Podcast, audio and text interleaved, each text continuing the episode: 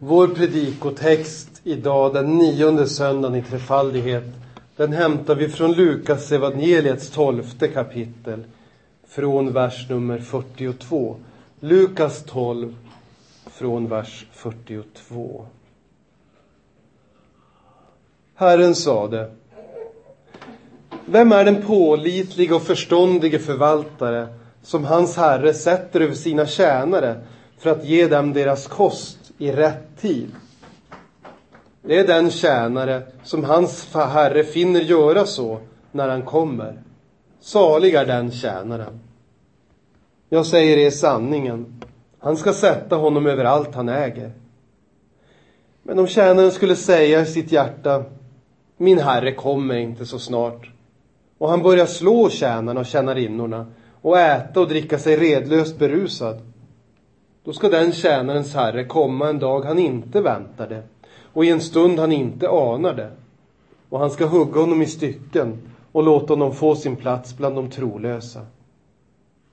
Den tjänare som vet sin herres vilja, men ingenting ställer i ordning och inte handlar efter hans vilja, han ska piskas med många rapp. Men den som inte känner till den och gör något som förtjänar spöstraff, han ska piskas med få rapp. Var och en som har fått mycket, av honom ska det krävas mycket. Och den som har blivit betrodd med mycket, av honom ska det utkrävas så mycket mer. Amen. Herre, inskriv dessa ord i våra hjärtan. Amen.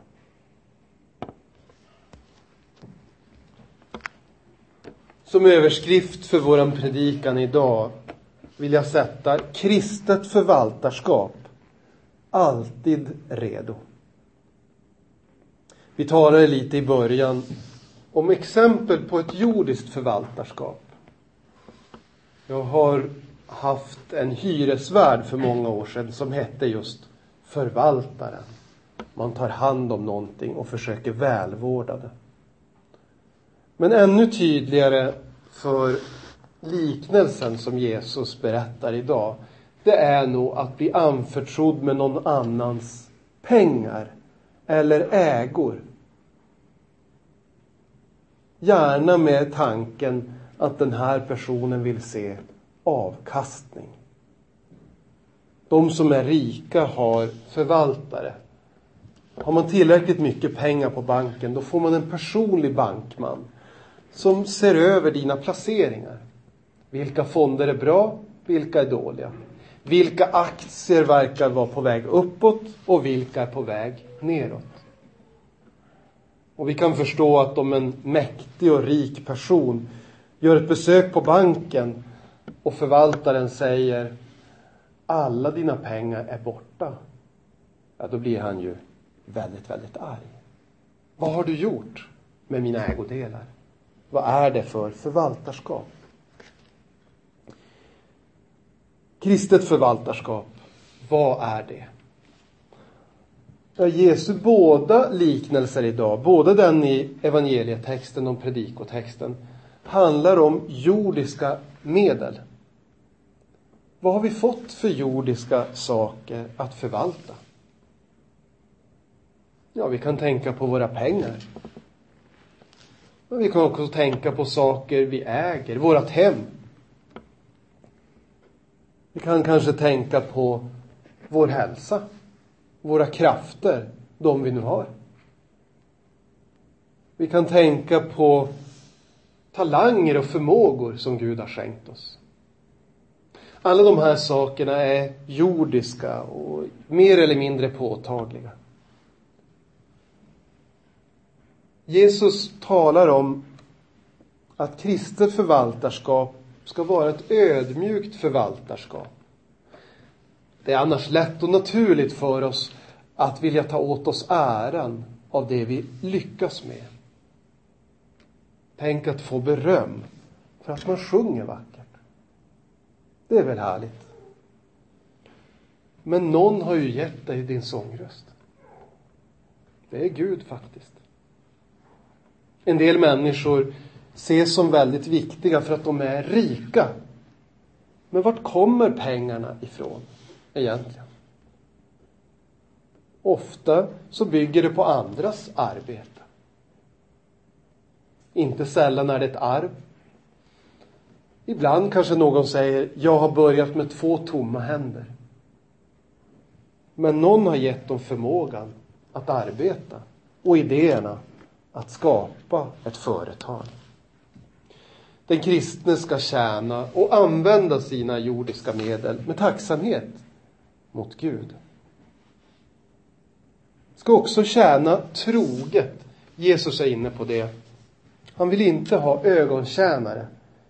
I liknelsen får vi höra om onda tjänare som gör sin herres vilja så länge Herren är där. När chefen tittar så jobbar man hårt. Men när chefen inte är där, då passar man på att vila. Jesus säger att det är viktigt att vi arbetar i hans tjänst. Oavsett om vi tänker att han snart ska komma eller om vi tror att det dröjer.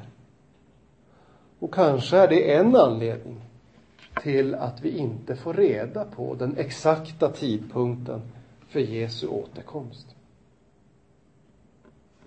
Men som vi fick höra om i evangelietexten, om den otrogne förvaltaren, den oärliga förvaltaren som förskingrar pengar, så är det viktigt att vi förvaltar det vi har för evangeliets bästa. Kommer ni ihåg vad Jesus sa i den liknelsen? Han sa, använd den ohederliga eller den orättfärdiga mammon så att människor kan hälsa er i de eviga boningarna. Alltså, använd allt det ni har för att människor ska komma till tro och bli frälsta. Det är kristet förvaltarskap.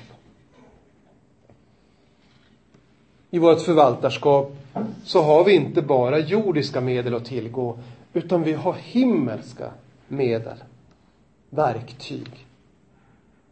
Framför allt har vi lag och evangelium. Lagen är ju också en gåva från Gud.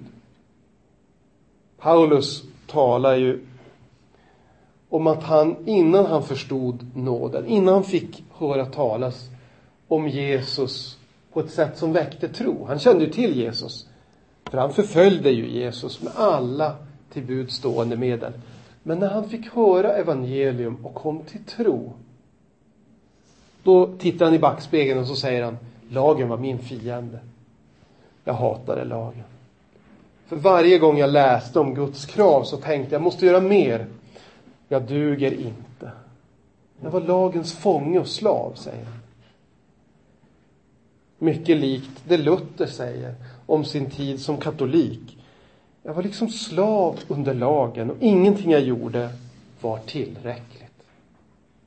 Men det är den syndiga människans reaktion på lagen. Lagen är god. Den kommer från Gud. Och den är given till oss. Dels för att vi ska se vår egen synd. Men också för att om vi lever efter lagen så lever vi som i paradiset. Tänk om alla människor följde Guds lag. Tänk om alla människor hade möjlighet att älska sin nästa som sig själv och Gud över allting. Ja, det är egentligen definitionen av paradiset. Så lagen i sig är god. Och det är en gåva som vi har fått och som vi ska använda. Men framför allt behöver vi använda den för att människor ska få höra att det räcker faktiskt inte att göra sitt bästa.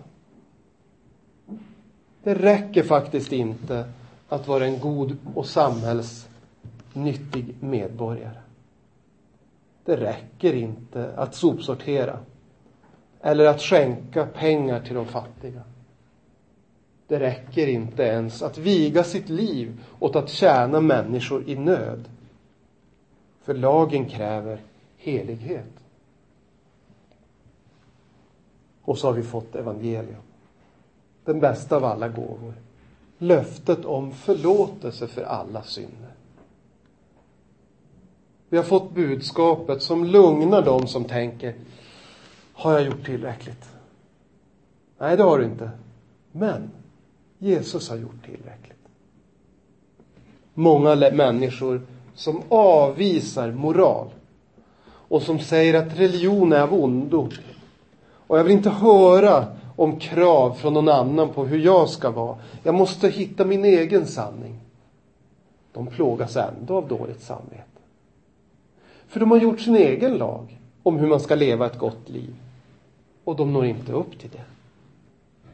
Vi har fått löftet om förlåtelse som stillar oroliga samveten och öppnar himmelens portar. Vi har fått nådemedlen att förvalta. Vi har fått Guds ord. Vi kan berätta om Jesus.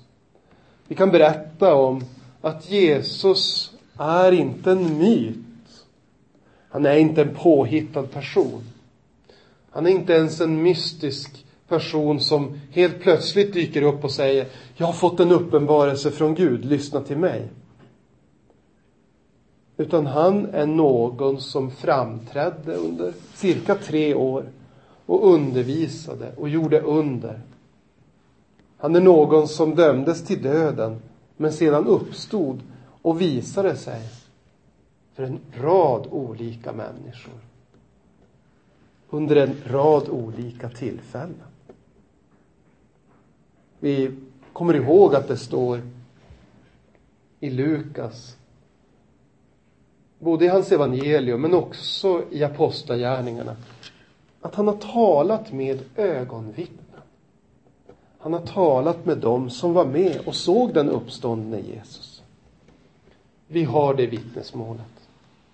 Vi har dopet som skänker evigt liv och syndernas förlåtelse. Även till den som är för liten för att själv kunna bekänna sin tro eller sin synd. Vi har nattvarden där vi får ta emot Jesu kropp och blod och syndernas förlåtelse. Vi ska använda nådemedlen troget, ödmjukt och tacksamt. Vi ska inte lägga dem åt sidan som den slöa och slappa förvaltaren i våran predikotext. Som tänkte, förvalta kan jag göra sen, när det känns som att tiden börjar bli knapp. Utan vi ska troget använda nådemedlen. Hur går då det kristna förvaltarskapet till? Vi har talat om vad det är. Men hur går det till? Ja, det är väldigt viktigt att den kristne utövar sitt uppdrag som förvaltare på ett ödmjukt sätt. Vi nämnde det innan. Det sticker så mycket i ögonen när man påstår att något är sant. Det är så provocerande att säga att man kommer med Guds ord och inte bara en åsikt eller en känsla. Så därför är det extra viktigt att vara ödmjuk som en Kristi ambassadör. Det är viktigt att vi kommer ihåg vem som har sänt oss. För det ger oss mod och tillförsikt. Skulle vi komma i vårt eget namn, ja då skulle åtminstone jag känna mig ännu mindre och osäkrare. Men när vi går på Jesu uppdrag, då kan vi göra det glada i hågen. Och då kan vi glädjas även när vi blir avvisade. Eller utskrattade. Eller hånade. Det kristna förvaltarskapet, det är troget. Vi får inte förvanska Jesu ord. Inte ens om vi tänker att det skulle kunna bli lite bättre mottaget om vi ändrade lite grann. En ambassadör som ändrar sin uppdragsgivares budskap får inte vara kvar så länge. Det är ju falskt att säga så säger min regering om det är ens egna åsikter. Det kan ju leda till väldigt allvarliga konsekvenser. Kanske till och med krig. Att som Kristi ambassadör säga Ja, det var nog egentligen så här Jesus menade. Och så ge en lite utslätad en lite friserad version av vad Jesus faktiskt säger. Det är ju allvarligt. Hur ska människor kunna lära känna Jesus om inte ens de kristna vågar säga vad Jesus faktiskt säger? Att berätta om Bibelns budskap om synd och nåd. Det kan leda till att folk tycker att vi är konstiga. Eller gammalmodiga. Eller lite obildade. Men det kan vi ta. Men om vi istället håller oss väl med människor genom att inte riktigt säga hela sanningen och de därför går miste om möjligheten att få höra Guds ord. Det kan vi inte stå ut med. Det kristna förvaltarskapet, det är ivrigt. Det här är ibland svårt för oss. Det är lätt att bli så van vid det man har hört ofta och läst ofta att det känns mest som en läxa. Lite grann som när barnen i skolan får i uppdrag att läsa 20 minuter per dag. Så läser man 20 minuter per dag, men med ett öga på klockan. Nu! Nu behöver jag inte läsa mer. Åh, oh, vad skönt. Tillbaks till skärmen.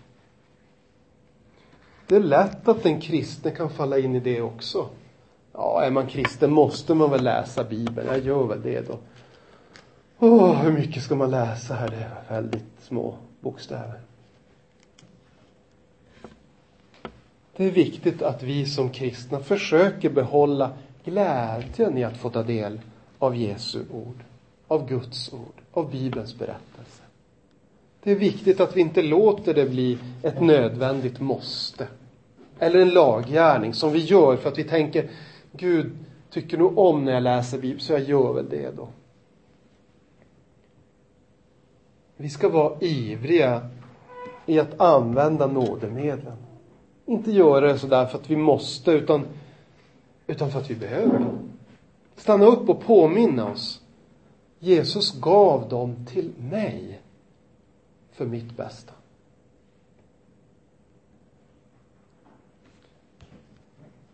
Till sist så är ett kristet förvaltarskap att ständigt vara redo.